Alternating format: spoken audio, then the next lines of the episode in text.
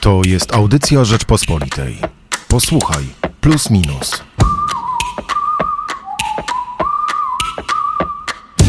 W tym tygodniu magazyn Plus Minus dosyć bieżący, bo będzie i o tym, co się dzieje w Turcji, w Syrii, w Grecji i nowy kryzys uchodźczy, który tak naprawdę już jest tu e, wrót Unii Europejskiej i będzie też o koronawirusie, bo i o tym mamy w plusie minusie, czyli o temacie, który zdominował ostatni tydzień, szczególnie w Polsce. Michał Płociński. Hubert Salik. Ale jako danie główne najnowszego magazynu Plus Minus wybraliśmy temat trochę bardziej zaskakujący, a temat, któremu w różnych wydaniach naszego magazynu tak trochę już się przyglądaliśmy z różnych stron, a postanowiliśmy to wszystko zebrać do kupy i przygotować blok te tekstów o czymś, co się nazywa no, tak dosyć enigmatycznie Social Credit System. Może opiszemy w kilku słowach, co to jest. Czyli mam do czynienia z zaprzęgnięciem technologii do permanentnej inwigilacji, można powiedzieć, cytując klasyków polskiego kina, e, do idealnej, do idealnego orwellowskiego marzenia o e, totalitaryzmie, który rządzi nami wszystkimi, czyli kamery, internet, różnego typu E, rozwiązania, które pozwalają e, sprawdzać, co robimy, co lubimy, oceniać to, a następnie budować profile punktowe i od zależności od, tych, od tego, ile tych punktów jest, e, decydować o tym, co nam wolno. Oczywiście ci decydujący są tutaj najważniejsi, a tymi decydującymi są rządzący. No i tak jak w przypadku koronawirusa, znowu na tapecie mamy Chiny i system tak naprawdę nowego cyfrowego totalitaryzmu wprowadzony właśnie tam, ale to nie oni chyba wymyślili, to nie oni wpadli na pomysł, żeby trochę tak stereotypizować ludzi, szufladkować ich i na podstawie tego, do jakiej szufladki zostaną ludzie przydzieleni, to w ten sposób ich traktować. Jan Tokarski wspominał w swoim tekście, że tak naprawdę te pierwsze kroki w tym kierunku, e, przynajmniej współcześnie, e, wykonały e, sowieckie policje od Czeka przez NKWD po KGB. Mm, e, tylko tamten system był oparty na teczkach. E, był dużo niedoskonalszy, gdyż e, donosiliśmy na siebie tylko wzajemnie, a jednak nie jest to idealne rozwiązanie dla totalitarnego władztwa. Teraz no, to właśnie... po prostu doskonale śledzeni i nie potrzeba e, jednej osoby, żeby nadzorowała pięć, tylko można to robić na wielkich bazach danych, zaprząc do tego sztuczną inteligencję e, i wyciągać wnioski po analizach, do których nie jest potrzebny człowiek, czyli system tej kontroli jest e, prostszy do wykonania, dlatego że nie trzeba tak dużo zasobów ludzkich, żeby kontrolować innych. Ale to nie tylko jest e, kwestia e, systemów totalitarnych, autorytarnych, zbierania informacji przez państwo, bo popatrz na banki i na ubezpieczalnie, szczególnie w Stanach Zjednoczonych, które e, chyba jako pierwsze na tak dużą skalę zaczęły na podstawie dużych baz danych analizować na przykład zdolność kredytową, czy, czy na przykład zdolność, nie wiem jak się to nazywa w ubezpieczalniach, tak, ale czy możesz kogoś ubezpieczyć, na, na jak, jak, jakie ryzyko niesie ze sobą klient to wszystko też jest rozwiązaniem kapitalistycznym, z którym my y, mamy na Zachodzie, albo ten Zachód, który trochę dłużej jest Zachodem, jak Stany Zjednoczone czy zachodnia Europa, do czynienia od lat i to dobrowolnie się na to godzimy. Po pierwsze, stawianie tego znaku równości jest trochę niebezpieczne, e, ale jest pewien związek e, dotyczący tego, jak w takim systemie e, gospodarki E, wolnorynkowej, kapitalistycznej duże korporacje e, oceniają ryzyko, zwłaszcza korporacje finansowe, e, bo ryzyko jest dla nich elementem, od którego zależy ich zysk. I te modele na poziomie analizy danych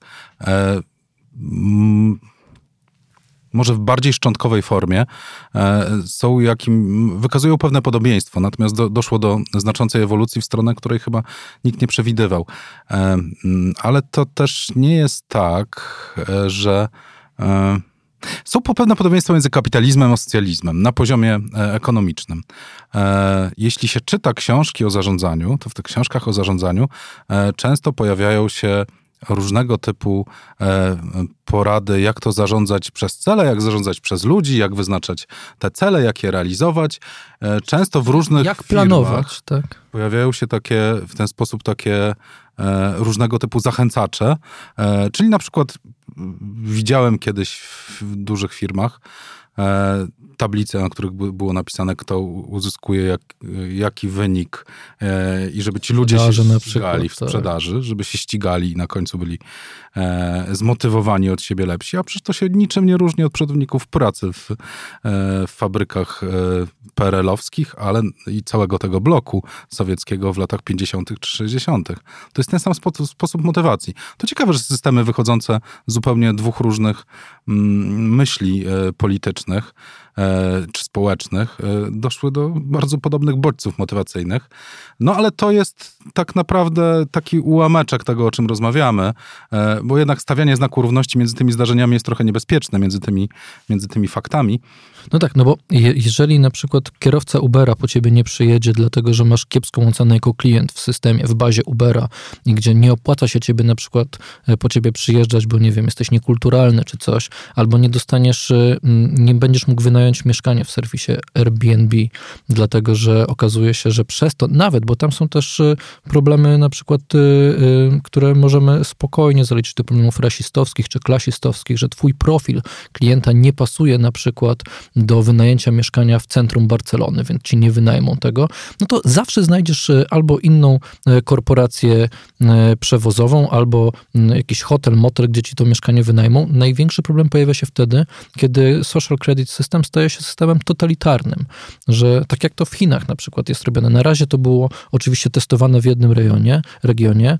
E, możliwe, że Chinom nie uda się wprowadzić tego na całe państwo, bo, bo, bo, bo nie mamy na razie jeszcze dowodów na to, że, że oni naprawdę to planują. Ale jeżeli to wprowadzą, to nie będzie tak, że ktoś ci nie wynajmie mieszkania, tylko jak będziesz miał niewiele punktów jako obywatel, będziesz niecenionym obywatelem, to nie kupisz biletu na samolot, nie kupisz biletu na pociąg, nie, może, nie będziesz mógł wynająć w ogóle mieszkania, nie będziesz mógł się przeprowadzić, albo po prostu nie dostaniesz pracy. Wtedy to się robi problem. Absolutnie nie masz alternatywy. Tutaj państwo mm, staje się no, lewiatanem, chyba już tak to trzeba powiedzieć. Parę dni temu czytałem e, taki tekst na e, serwisie, w serwisie Guardiana, e, który dotyczy koronawirusa, o którym też będziemy rozmawiali, gdzie jeden z Chińczyków opowiadał o tym, jak przechodził przechodził tą chorobę.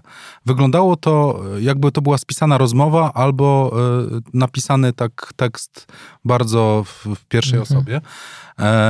Pamiętam, że to był 21-latek. Przeczytałem to i on opowiadał o tym, jak to było, jak, jak się o niego troszczono, jakie leki dostał, jak się okazało, przez tydzień dostawał leki na AIDS. I pod koniec tej rozmowy zacząłem się zastanawiać, czy ten obraz, z którego wynikało, że naprawdę państwo się o niego zatroszczyło, jest prawdziwy, czy wynika z tego, że on jest świadom, że jeśli będzie mówił coś innego, to będzie to dla niego kosztowne, a może jeszcze inaczej. Przecież jaki Chińczyk udzieli brytyjskiej gazecie e, e, takiego wywiadu, mając świadomość, że cokolwiek powie, będzie rezonowało w tej jego punktacji.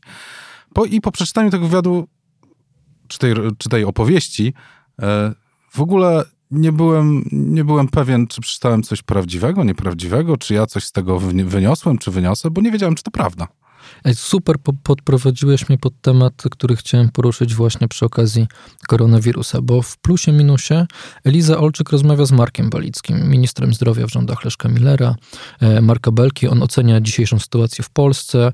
E, myślę, że to jest wywiad mocno zaskakujący, więc po, polecam go e, przeczytać, szczególnie, że to mówi lekarz i były minister zdrowia, ale mnie a także e, pewnego mojego kolegę, też dziennikarza, e, bardzo, e, z którym roz, roz, rozmawiałem niedawno, bardzo zaskakuje w ogóle w tej całej epidemii i panice związanej z nasilaniem się epidemii koronawirusa w Europie, to, że ona jakby uwypukla wszystkie wady dzisiejszego świata informacji, o których przez lata rozmawialiśmy, bo mówiliśmy, że odejście od tradycyjnych mediów, postawienie na media społecznościowe, postawienie na media tożsamościowe, które E, grają na emocjach, już nie tylko tabloidy, ale nawet tygodniki opinii dostosowują się do tego e, przekazu, e, że to wszystko prowadzi nas do świata, w którym jest przesyt informacji, a nie ma oglądu informacji. I dzisiaj mam wrażenie, że dokładnie tak jest z koronawirusem. Nie tylko jak czytasz relacje chińskie albo próbujesz dotrzeć do danych e,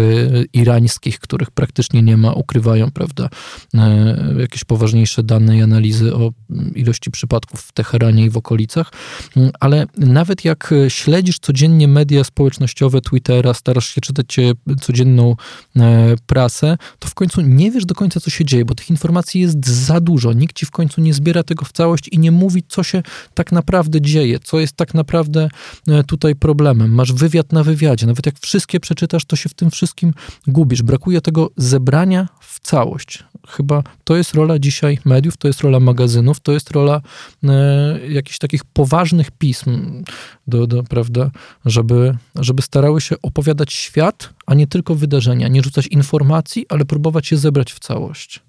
Po pierwsze, to żyjemy już od dekady albo i nieco więcej w tym społeczeństwie information overload. No, to truizmy, które powiedziałem, ale dzisiaj to widać naprawdę skupione jak w, w soczewce te problemy. Wydaje mi się, że dużo podobieństw, że, że takie sytuacje się powtarzają bardzo często. W sensie nie, że co roku, one się powtarzają co parę tygodni. Różnica między tą sytuacją, a tymi pozostałymi, kiedy nagle wybucha jakaś afera, która trwa trzy dni, jest podkręcana i szybko zamieniona na inną aferę, i ludzie tak przeskakują, e, polega głównie na tym, że mamy do czynienia z realnym zagrożeniem, czyli te emocje nie są skierowane przeciwko komuś, to nie jest taki gniew. E, gniew, że ktoś jest, e, przepraszam, że wyrażenie, kretynem i ktoś go przedstawia za, za kretyna i wszyscy go atakują, bo on jest głupi, a przecież ta wyższość moralna, on jest głupi, a my jesteśmy mądrzy, przecież takie oczywiste, że to, co on robi, jest złe, e, bo na tym to się buduje. A tym razem mamy do czynienia z czymś, co jest rzeczywiste, faktycznie jest zagrożeniem, nie trwa krótko, to zagrożenie się rozwija, I to zwiększa trochę ten information, ten, ten problem z poruszaniem się w świecie information overload. E, I to trwa długo, bo już miesiąc tak naprawdę jesteśmy w temacie wirusa z Wuhanu. Z Wuhanu, wcześniej mówiono na szczęście, na szczęście to zmieniliśmy. Bardzo często w polskich mediach mówiono z Wuhan, nie odmieniano tego. Nie wiem, czy są na to takie recepty, jakich ty mówisz, czyli takie medialne. Mam wrażenie jednak, E, jest to jakiś rodzaj samokrytyki, bo pracujemy w mediach, e, że w ogóle media jako całość, no jeszcze w czasach, e, kiedy kliki są ważne, no, żyją z tego napięcia. One zawsze żyły z tego napięcia. Nawet jak kiedyś Hearst rywalizował z, z Pulitzerem, no to. Mm, no tak, tabloidyzacja to nie jest wymysł oczywiście dzisiejszego świata, tylko dzisiaj tym bardziej potrzeba poważnych pism opinii, mam wrażenie. Znaczy, to też powtarzamy od dawna. Kolejny raz to widzimy. Tylko tak naprawdę na wiedzę trzeba zaczekać. I to też widać w przypadku tej, e, tej epidemii. E, to, że e, dyrektor generalny WHO występuje co, co pewien czas przed, przed kamerami. kamerami czy przed mikrofonami i on opowiada kolejne rzeczy, ale ta wiedza narasta, ta wiedza jak gdyby miesiąc temu była mniejsza, teraz jest większa, e, dlatego też jest ciężej się poruszać, bo ludziom zostaje to, co, co poznali wcześniej, tak? Tu zaraził się pies w Hongkongu, wszyscy więc się boją, czy ich zwierzaki mogą się zarazić, później okazuje się, że ten pies zaraził się od człowieka, ale do, do tego trzeba, potrzebne było e, tydzień badań i, i, i tak dalej, i tak dalej. No i wciąż nie wiemy, jak groźny jest to wirus. Informacje prawdziwe i nieprawdziwe się składują. Czyli w sytuacji, kiedy masz taki trzydniowy wybuch afery, czy czterodniowy, to szybko wygasa, e, ale tych informacji nie masz tak dużo. A tutaj one się składują, nie jesteś w stanie tego e, zebrać, skonkretyzować i zostają z tobą też rzeczy, które przeczytałeś wcześniej, które zdążyły być nieaktualne, a czasami te rzeczy zostają bardziej E, niż to, co słyszysz teraz, co ktoś ci w tej chwili opowiada na podstawie najnowszych danych. A ponieważ przywiązałeś się do wiedzy, którą już nabyłeś, tak. To jesteś jeszcze bardziej spanikowany. To prawda, a do dzisiaj ludzie mówią o nietoperzach na przykład, które zostały zjedzone przez ludzi, mimo że to prawdopodobnie no, zupełnie tak nie było. Tak, to te, te rzeczy, które już padały na początku zostały przez ludzi rzeczywiście jakoś tak wtłoczone e, do głów, tym trudniej jest e, przyglądać się poważnie temu, co się dzieje we Włoszech w tej chwili, szczególnie północnych, czy w Niemczech, gdzie też ostatnio po 100 albo ponad 100 przypadków codziennie jest diagnozowanych osób zarażonych koronawirusem, kiedy oczywiście na świecie dzieje się dużo więcej. Dzieje się dużo w Libii, dzieje się dużo w Syrii. To wszystko jakoś tak mm, znajduje punkt wspólny na granicy turecko-greckiej, gdzie premier Turcji Erdogan otworzył granicę i wypuszcza e, uchodźców, którzy przez lata siedzieli w obozach dla uchodźców organizowanych w Turcji. Unia Europejska na te obozy płaciła, ostatnio nawet płaciła bardzo dużo, a z pewnego powodu albo z różnych powodów, w sumie ich do końca nie znamy, wiemy tylko to, co e, mówi e, premier Erdogan, dzisiaj stracił cierpliwość do Unii Europejskiej i tak naprawdę zaszantażował Brukselę, wypuszczając ich na granicę z Grecją. I tutaj w tej sprawie mamy wywiad e, z Dominikiem e, Moizi, który zrobił Jędrek Bielecki. E, interesujący wywiad, ale tak samo jak nasza rozmowa, bo zaczynam mieć wrażenie, że pogrążyliśmy się w strachu i niepokoju, a to kolejny temat strachu i niepokoju. Jest to warte przeczytania, ale nie możemy się martwić wszystkim, co jest dookoła. E, bo inaczej naprawdę zwariujemy. E, czy to jest problem dla Europy? To jest stały problem dla Europy, dlatego że Europa jest e, według wielu ludzi na świecie, miliardów ludzi, jakimś wyśnionym rajem. I, i trochę mają rację poziom życia w Europie, poziom, mm, poziom służby zdrowia, mimo tego, co uważamy, że tak naprawdę jest w przypadku koronawirusa, jest nieporównanie większy a przede wszystkim bezpieczeństwo.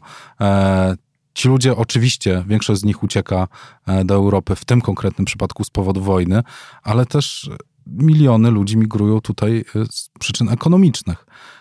Jest to wyśniony kontynent, który chyba sami tak zareklamowaliśmy światu. Ale jakie rodzi to problemy dla Unii Europejskiej, która w tej chwili no, jest między młotem a kowadłem? E, czy przyjąć, czy ratować, czy potwierdzać swoje wartości, czy jednak e, obawiać się tego, jaka będzie recepcja społeczna? O tym mówi Dominik Moisy Jędrzejowi Bieleckiemu. Moisy to jest politolog, pisarz, założyciel francuskiego Instytutu Spraw Międzynarodowych. Oprócz tego w plusie minusie E, też inne bieżące tematy, bo o wyklętych pisze Piotr Zaręba. Adrian Bąk pisze o nadgryzieniu Wielkiego Jabłka, czyli o Nowym Jorku, który trochę e, ostatnio podupada. Małgorzata Seeds e, pisze o bezdomnych w Finlandii, gdzie zupełnie inne jest podejście do leczenia bezdomności, a Jacek Cieślak o Jerzym Andrzejewskim. Zapraszamy do kiosków i na rp.pl. Ja nazywam się Michał Płociński. Hubert Salik. Co tydzień opowiadamy Państwu, no trochę tak szerzej, co w najnowszym magazynie, w audycji Posłuchaj Plus Minus. Do usłyszenia już w przyszłym tygodniu. To była audycja Rzeczpospolitej. Posłuchaj Plus Minus.